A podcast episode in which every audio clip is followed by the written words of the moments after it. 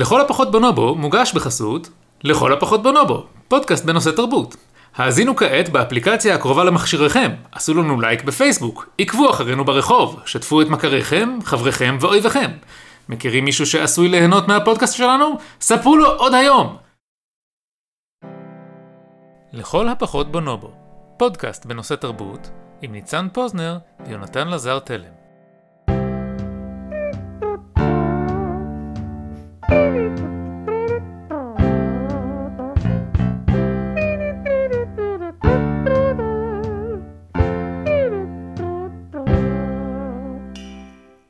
יונתן. מה עם ניצן?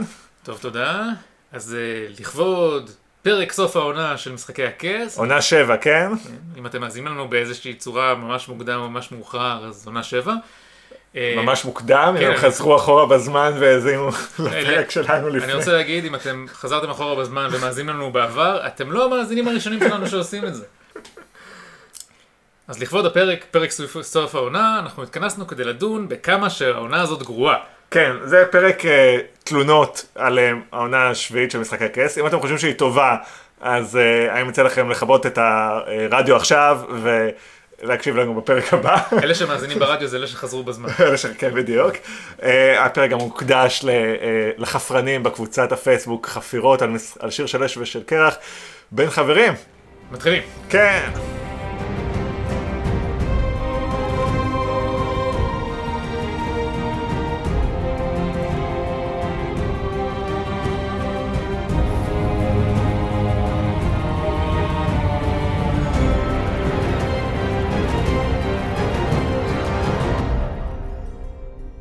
טוב, אז כמו ש... אה, בוא נאמר, אם אתם לא גרים מתחת לאיזה אבן במדבר או בירח, אתם יודעים, יש אה, בשנים האחרונות אה, איזושהי תופעה תרבותית די מטורפת שנקראת משחקי הכס.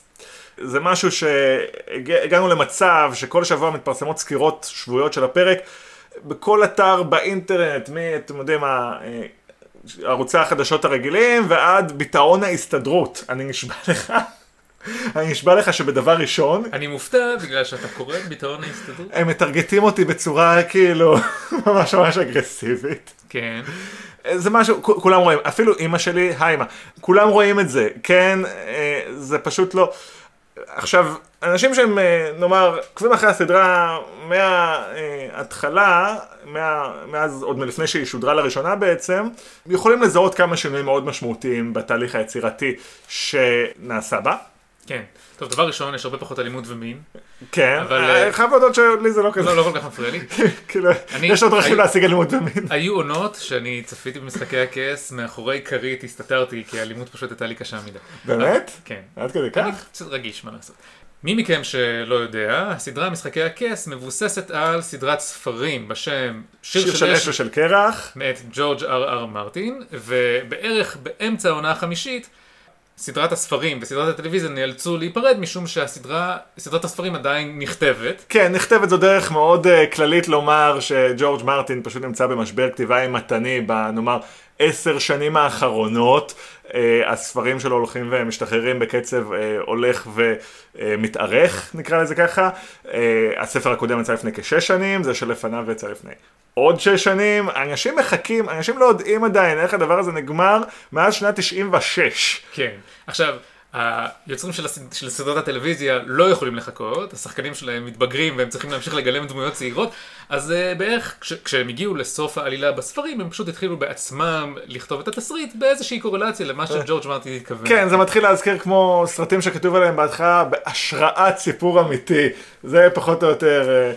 טוב שאתה אומר סיפור אמיתי, כי מה שאפיין, מה שמאפיין את הספרים ואפיין את העונות הראשונות של הסדרה זה, אוקיי, שימו לב, זו סדרת פנטזיה, כן? אבל כבר אמרנו בעבר שהיא מאופיינת בריאליזם יוצא דופן.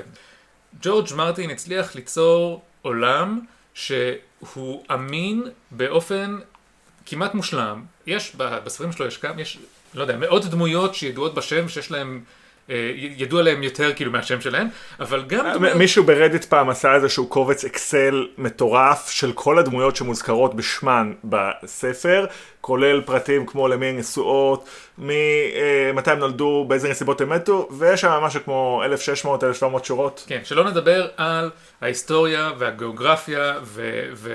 זאת אומרת, יש היסטוריה, פרה-היסטוריה וכולי. עכשיו, גם הסדרה נפתחת, כל, כל פרק בסדרה נפתח במעין מצלמה כזאת שמשוטטת במפת העולם ומייצרת לכם את האשליה של המקומות, יש אה, פיזיות, שיש איזשהו מערך כוחות אסטרטגי שמפוזר על פני העולם. כן, אני חושב שאחד מהמעלות של ג'ורג' מרטין זה שאפילו דמות שמופיעה באיזשהו...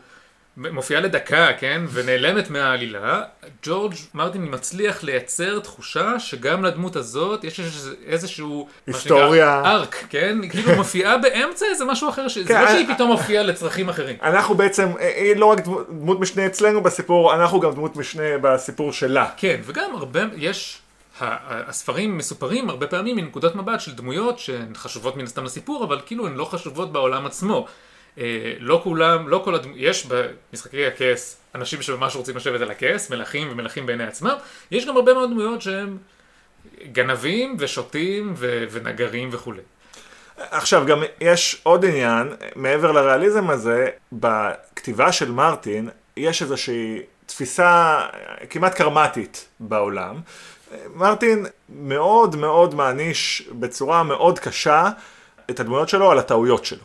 דמויות שעושות דברים אה, שגויים, בין אם מטיפשות, בין אם מתוך אה, גבורה, בין אם מתוך אה, רצון, אה, אה, חוסר, חוסר תפיסת מציאות טובה, כניעה ליצרים שלהם וכו'. כן, או שעבדו עליהם, שיקרו עליהם, או שהם בורים. נכון, הרבה פעמים זה גם ביש מזל.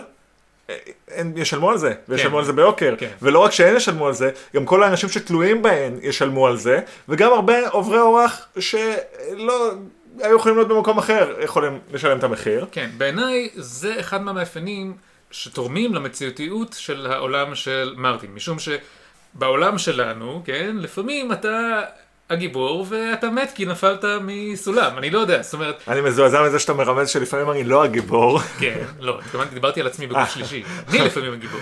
אוקיי. המציאות היא שרירותית, וה- והעולם בשיר של- של- של אש ושל קרח, יש בו מין השרירותיות הזאת, שלא מאפיינת סיפורים. כן. ועוד אלמנט מאוד מרכזי בכל העונות הקודמות וגם בספרים זה אלמנט המסע. חלק ממה שיוצר לך את התחושה שווסטרוס זאת יבשת אמיתית, זה העובדה שדמויות, לפעמים לוקח להן ספר שלם להגיע מנקודה א' לנקודה ב', לפעמים הן לא יסיימו להגיע מנקודה א' לנקודה ב' במשך כל הספר. וזה גם חלק מהז'אנר של הפנטזיה. הז'אנר של הפנטזיה הוא ז'אנר שבו המסע חשוב לא פחות מהיעד. ומה שקרה עכשיו, נאמר באופן ממש ברור מאז שהסדרה והספרים נפרדו והיוצרים של הסדרה היו צריכים לספק לעצמם את התסריט ולא התבססו על משהו שמישהו אילץ אותם לעשות, כן, ולהם אין שש שנים לכתוב כל עונה, יש להם במקרה הטוב שבעה חודשים. כן, ונעשו שינויים, אתה יכול לקרוא להם אומנותיים, או נקרא, בוא נקרא להם שינויים תסריטאיים, בכמה מגמות שמשנות את האופן שהסיפור מסופר. נכון, אז uh, הדבר הכי בולט כמובן, ועל זה תמצאו תלונות אני חושב בכל מקום שנמצאים מעריצים של הסדרה, זה האופן שבו כל תפיסת הזמן והמרחק uh, בסדרה השתנתה. פתאום אנחנו רואים אנשים מדביקים uh, מרחקים אדירים במה שלנו כצופים נראה כמו הרף עין, אז אם uh, בהתחלה זה היה נראה כאילו היה איזשהו תירוץ אפשרי שטוב לא מראים לנו פשוט את כל המסע אבל הכוחות זזים בזמן שאנחנו לא רואים אותם.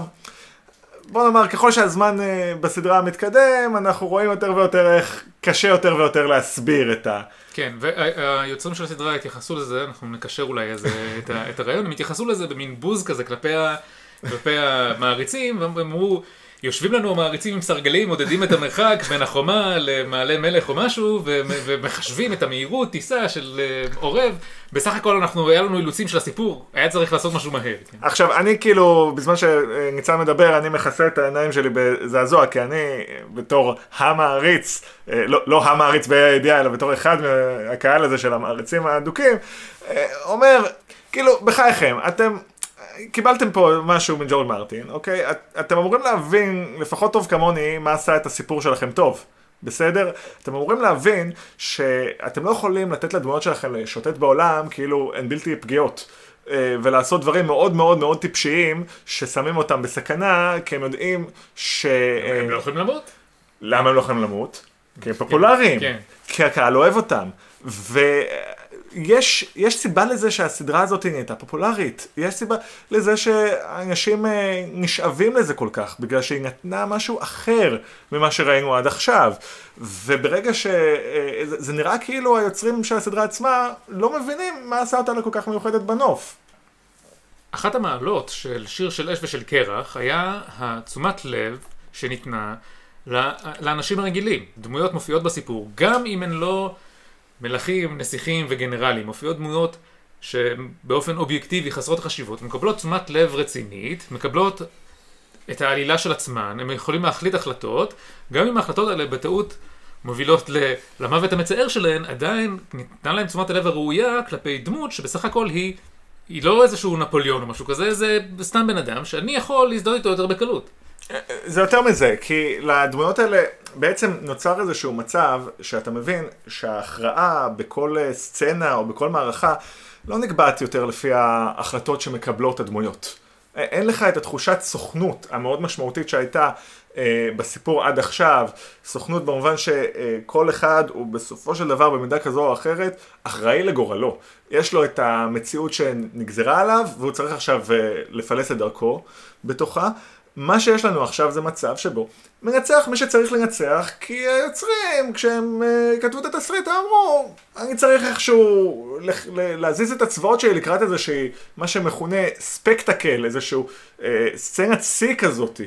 בעצם כל העונה הנוכחית, עונה שבע, זה, סדרה, עונה שכל פרק בה יש איזשהו סצנת שיא של איזה קרב uh, מפואר. ממש, הדמויות מתקרבות לאיזשהו, לסצנת קרב כזאת שהיא מלאה בסכנות, אבל אתה כצופה יכול להיות רגוע, מכיוון שכשימותו בסצנה אנשים, הם לא יהיו החברים שלך, הם, זאת אומרת, הדמויות שאתה אוהב, הדמויות האלה יביאו איתם מהבית קורבנות, הקורבנות החסרות, כן, קורבנות חסרות שם ימותו, קורבנות חסרי שם ימותו בקרב, הגיבורים יהיו בסדר. אבל זה יותר מזה, יש לך איזשהו מצב לפעמים, שאתה ממש רואה מי האנשים שיצאו לפעולה, למשימה, ואתה רואה אה, את הפנים שלהם, ואתה רואה שהם כולם אנשים שאתה מכיר, ואז פתאום, כשמגיע אירוע מסוכן, מופיעים משום מקום. כל מיני נאפסים, דמויות אה, בלי non-player character כמו שאומרים במשחקים, אוקיי? אין להם פנים אפילו, הם פשוט, כל התפקיד שלהם זה להיקלע. כן, אתה צריך, אתה צריך להיענות לדרישה לאלימות ומוות מצד הכוחות הטובים, אבל חס וחלילה לא בטעות להרוג מישהו שאנחנו רוצים שיישאר בחיים. עכשיו, אני חשבתי הרבה על המגמות הללו, וניסיתי להבין מה גורם להם. אז בתור התחלה יש כמובן את העניין של ההיפרדות מהמקור הספרתי, שדיברנו עליו כבר, אבל אני חושב שהשינויים שהסדרה עברה, הם מאוד לא מקריים. אני חושב שכל ה, מה שקורה בחדר התסריטאים בשנתיים האחרונות, מבוסס על שיקול אחד ויחיד, שהוא לא כל כך אופייני ל-HBO, אני חייב להגיד, וזה מקסום רווחים ממכירות. אני סבור שהתקבלה החלטה אסטרטגית לפני כמה שנים, שאמרה את הדבר הבא, הם הסתכלו אה, על אה, מה שקורה בעולם הפנטזיה, בעולם הטלוויזיה והקולנוע של אה, סרטי פנטזיה, ושאלו מי, מי מביא הכי הרבה כסף, וראו שזה היקום הקולנועי של מארוול. וכאשר בוחנים את הסדרה, אה, את העונה הנוכחית של משחקי הכס על פי סטנדרטים של היקום הקולנועי של מארוול, פתאום הכל נראה נורא, נראה נורא ברור, פתאום אתה מבין שיש לך אוסף של דמויות עם כוחות על, יש לך את הרוצחת ללא פנים, יש לך את הרועה נבואות, אה, בעל הכוחות, קצת מזכיר את דוקטור קסאבייר, אבל בקטע קריפי. כן, אה, יש לך אה, לוחמי ג'די עם חרבות אש. נכון, יש לך אה, מישהו שלא יכול למות. יש לך בן אדם שיכול לדבר עם בעלי חיים. אה, אישה שיכולה אה, לשרוד אה, שריפות, זה בעצם, והם משוטטים בעולם כמעט כמו שבסרטי מארוול, אה, פתאום עכשיו, אוקיי, עכשיו אנחנו צריכים סצנה במרוקו, אז היא תתקיים שמה. ו- ו- וזה כל הסיפור, יש לך את ג'יימס בונד, אני סבור שברון הפך uh, להיות הג'יימס בונד המקומי שלהם, וגם אחרי שאמרתי את זה הבנתי שהוא באמת מתאים, הוא ליהוק טוב כן, לג'יימס בונד כן. הבא. אה, כן, אני אגב חושב בהקשר הזה שההחלטה, ב- מנקודת המבט של, של יוצר הסדרה, ההחלטה היא, טובה. הפופולריות של הסדרה רק עולה, היא מגיעה לקהלים כנראה שהיה להם קשה להתחבר אליה כשהייתה מאוד מור... אלימה, ו... ומה... זאת אומרת, יש בה איזה אלמנט של מאכזב כזה. עכשיו יש פה איזה קטע, קטע, מה שאתה אומר מדויק. אני, אני ואתה והמאזינים שאני מקווה שעדיין איתנו, לא, אנחנו לא קהל של ה, שהיוצרים חושבים עליו. היוצרים חושבים על uh, uh, התרבות הפופולרית הרחבה, על איך לפנות אליה, ויש פה איזה משהו, ועם כל זה שכאילו אנחנו אולי אה, מתנשאים ומעצבנים וכו', אני חושב שיש פה משהו לא הגון. כי מי שהביא את הסדרה הזאת להיות uh, התופעה שהייתה בה, uh, בנקודת מפנה הזאת בעונה חמש, שהיוצרים היו צריכים עכשיו לקחת איזשהו נכס ולעשות איתו כבשלהם, זה בסופו של דבר אנשים כמונו. אנשים שהתחברו לאיזשהו uh, סט ערכים uh, קולנועי מסוים, ופשוט, כמו שאמרת, מלגלגים עלינו בצורה מאוד מאוד גסה. אני חושב, אם מדברים כבר על, על... אני לא יודע אם אני מחשיב את עצמי כזה, מדברים על מעריצים אדוקים של משחקי הכס, ושל שיר של אש ושל קרח, אז מה, ש, מה שקורה עכשיו עם הסדרה הביא לתופעה מצחיקה שבה הצופים, מכיוון שיש איזושהי אוזלת יד של היוצרים שמייצרים סדרה שהיא קצת יותר, אני לא יודע אם לקרוא לזה בנאלית, אבל היא קצת פחות אה, מחויבת לאיזה כאוס שאפיין את הסדרה המקורית, אז המעריצים מנסים לפצות על הסדרה, על, על, על אוזלת היד הזאת, בזה שהם מאלצים עליה איזה שהם גאונות, איזה, מחפשים איפה הסימנים, איפה מסתירים את, ה, את הסימנים ה, של, ה, של המורכבות הנסתרת שעדיין הם חוש, מצפים שתהיה שם. זאת אומרת, בפרק 4 אפשר לראות שהעץ מצביע לכיוון מסוים והעורב יש לו, הוא בדיוק, זאת אומרת, מין תיאוריות על גבי תיאוריות שאני חושש שיאוכזבו על ידי היוצרים שאני חוש... לא נראה לי שהם העמיקו עד כדי כך את היצירה שלהם.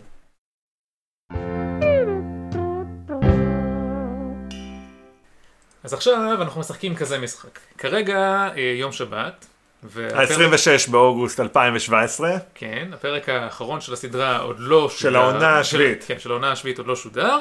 אה, ואנחנו אנחנו נהמר או נעסוק עכשיו בתיאוריות לגבי סוף העונה לפני ואנחנו נראה אחר כך אם צדקנו. אנחנו רוצים להגיד, אנחנו כמעט במאה אחוז בטוחים שהיוצרים של הסדרה הולכים לעשות איזושהי הפתעה מטורפת בסוף העונה. אה, תראה, בתור התחלה זה מקובל בסדרה. אה, באופן כללי, אם מסתכלים גם על ההיסטוריה של העונות, בוודאי האחרונות, הם החליפו קצת את הצורך בסיפור טוב באמצעות זה שפשוט הם עושים מה שנקרא shock and awe. כאילו, אה, מוטטו את ה... זה, זה ספוילר, מפה זה ספוילרים, כן?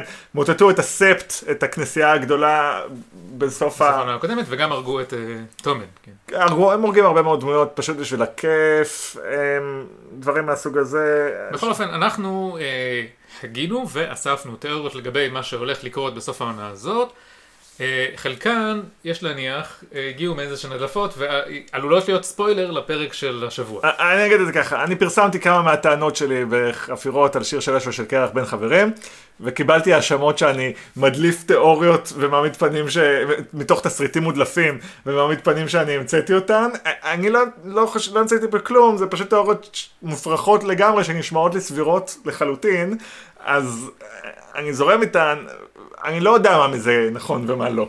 אה, אז, אז בואו נתחיל. אוקיי, okay, אז תיאוריה שממש עלתה ממש לאחרונה, פיטר בייליש כבר מת, והוא למעשה, אריה לובשת את הפרצוף שלו, והוא מסכסך את עצמו עם אחותה כדי שהיא כן. כן, אני חושב שזה דורש יותר מדי, אה, זה מניח יותר מדי תחכום אצל הכותבים של הסדרה. כן, גם יש סצנות שרואים את אריה כאילו עוקבת אחרי פיטר בייליש.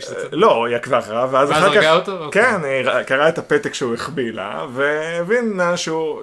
היא לא כזאת חכמה לדעתי. אוקיי, בלי שום קשר, התיאוריה ליטל פינגר מת בפרק האחרון היא ממש נפוצה. אני בטוח לחלוטין בזה, וזה פשוט בגלל שאני מבין את התפיסה הדרמטית אה, כן, של D&D. הוא התנהג לא יפה כלפי הסטארקים, זה הסוף שלו. כן, בדיוק, והצופים רוצים לראות שהאחיות לבית סטארק הן אחיות טובות. חוץ מזה שהוא אה, צריך למות כי הוא מיותר פשוט בהמשך הסדרה.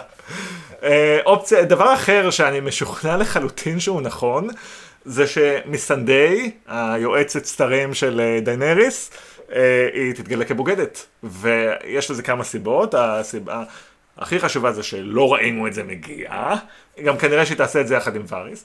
יש אה, כמה, לא מעט רמזים, אם בוחנים את כל הסצנות שלה בעונה האחרונה, יש לא מעט רמזים לזה ש... הרבה מאוד דיונים בנאמנות שלה לדיינריס וכדומה, אבל אה, מה שחסר פה זה מניע. אז אני, וזה החלק שאני המצאתי בכוחות עצמי, אני טוען שמסנדל, כמו שאנחנו יודעים, מה- הסיפור רקע שלה? היא הייתה עבד משוחרר למעשה. שפחה כזאת שדיינריס אה, שחררה, והיא, אני, אני טוען שהיא חותרת להפלת משטר הפאודליזם בווסטרוס, ואני טוען שהיא מדליפה כל הזמן לאויבים של דיינריס איפה אה, דיינריס הולכת לתקוף, כדי שהם... ככה הם מטרפדים את כל התוכניות של טיריון. בדיוק, אני, אני רוצה ש... אני חושב שמה שהיא מנסה לעשות זה פשוט לשחוק את כל הצבאות הקרקעיים בווסטרוס כדי... ואז היא אומרת דרקאריס. ב- בדיוק. אה, אני חושב שמה שקרה זה שהיא הייתה מאוד נאמנה לדיינריס, אבל ככל שהזמן עבר, ה ego trip הבולט של דיינריס. כן. אה, הטריד- גם אותה. הטריד לא גם- לא רק אותי, גם אותה. אה, הוא מטריד אותך? אתה יודע, אני, כאן מן הסתם הם משחקים על, על, על ה mad king, ו, ובסוף, אני מבטיח לכם, דנריס היא באמת טובה. איך אני יודע? super heroes הם טובים. אני, אני, אז, אז טוב שאתה מתייחס לזה, כי יש תיאוריה מפורסמת ברדיט, שאומרת שבעצם אה, הטוב הוא מלך הלילה, כן. והרעים הם אה, ג'ון, סנואו ודיינריס. התיאוריה ממש פופולרית אצלי בעבודה, היי חבר'ה, אבל גם אצלי בעבודה, גם אתה וגם אני מסכימים שאם אם זה, אם, דבר כזה מתרחש, הוא מתרחש בסדרת ספרים ולא בסדרה. כן, אני, זו תיאוריה מרתקת, אני מציע, אנחנו נשים קישור, אני משוכנע לחלוטין שזאת התיאוריה האמיתית בסדרת ספרים, אבל היא לא תקרה בטלוויזיה. לא, בטלוויזיה אנחנו נראה בסוף את... אה, כן, ואם מדברים על אה, דנריס, אז מה, שהיא, מה שאנחנו צופים שהיא תעשה בפרק הבא, אם יש ילדים מאזינים, תממש את אהבתה. כן, בדיוק. עם ג'ון סנואו. החסידה וכולי. כן, אה, חסידה לא בטוח שתהיה, כי יש נבואה שאומרת שהחסידה אה, סגרה את השירות ל... כן, כן. אבל, אה, אבל בהקשר לכל התגליות לגבי המוצא של ג'ון סנואו, והעובדה שהוא לא באמת אה, ממזר וכולי, היעד האפשרי היחיד שיש לו הוא לשבת לצידה על איזה כיסא. כן, ואנחנו גם יודעים שג'ון סנואו הוא בעצם אחיין של דנייריס, ואנחנו יודעים שבמשפחת טרגריאן זה מאוד מקובל לקיים יחסי מין בתוך המשפחה. בואו נאמר, זה משהו שאני לא חושב שיש פקפוק אה, שהולך לקרות בפרק הבא. כן, זה אגב, אה, אחת מההדלפות של התסריטים, לפני שהתחילה העונה, הייתה ההדלפה המפורסמת תחת השם boat sex, שפחות או יותר אושרה בפרק הקודם. אה, אני לא הכרתי את ההדלפה הזאת. כן. אה, אני אגב בטוח גם שהסיפור הזה הולך לקרות אה, לפני שהם ייפגשו עם סרסי, כי סרסי בטח תעשה איזה משהו מלוכלך במפגש, ואנחנו יודעים שאת הטובים זה די מבאס רצח וכל זה, זה מוציא את החשק. אה, אבל התיאוריה הכי חשובה, תיאוריה שלא קראנו בשום מקום, אה, קיבלנו אותה מחבר, לוי אפפלבאום, זו תיאוריה שאומרת שסרסי, אה, מה- שהולך לקרות זה ככה, ג'ון ודיינריס, הגאונים הגדולים, יראו לה זומבי, יספרו לה ש... אה, כן, וגם תדעי לך, זה נורא רציני, הוא הצליח להרוג דרקון, מה סרסי רוצה? היא רוצה להרוג דרקונים. כן. ו- וגם היא תבין שתכלס, היא הולכת להפסיד, להפסיד במלחמה בכל מקרה, היא לא תצליח לנצח את ג'ון ודיינריס, אוקיי? אז הדבר היחיד שיכול, שיכול לעזור לה, לכרות ברית, היא מלך הלילה. כן, מלך הלילה שמעבר ל... כן, מה, היא תעשה את החשבון. ל- לחיות לנצח זה לא כזה נורא. אנחנו יודעים שהיא מאוהבת בעצמה וחושבת שכאילו כל האומה כאילו יכולה להישרף מבחינתה, נכון? אז אגב, בהקשר הזה, אולי אם היא באמת בהיריון, אז הילד שלה יכול להיות כזה מלך היקום. יקפיאו אותו ישר בבטן שלה. זאת תהיה הלידה הזומבית הראשונה. כן. אני גם בטוח שבעונה הבאה הולך להיות קרב אווירי של דיינריס על אה, אה, ויסריון הדרקון המת. סליחה, לא. התבלבלתי. סרסי תרכב על- ויסריון הדרקון דרקון. המת, ודיינריס, כן. כן. אה, טוב, אנחנו, אלה פחות או יותר התיאוריות שלנו. אה, אתם מוזמנים לבחון אותנו ביום שני שלישי אחרי שראיתם את הפרק. אה, אה, אולי נתבדה, אולי, אולי זה יהיה, אולי זה, אני לא יודע. אני- קשה לי להבין, אני בטוח שאם יתבדה זה רק יקרה משהו עוד יותר דבילי מהדברים שהצגנו עד פה. בכל מקרה, גם אנחנו צופים באופן הדוק בסדרה, זה לא איזה קטסטרופה. אה, טוב, תודה לכם. מודים לכם שהאזנתם, נתראה ב... מתנצלים על זה שקלקלנו לכם אה, את הפרק האחרון. כן, אתם, טוב, אם האזנתם לפני הפרק. אה, עד כאן, להתראות. ביי.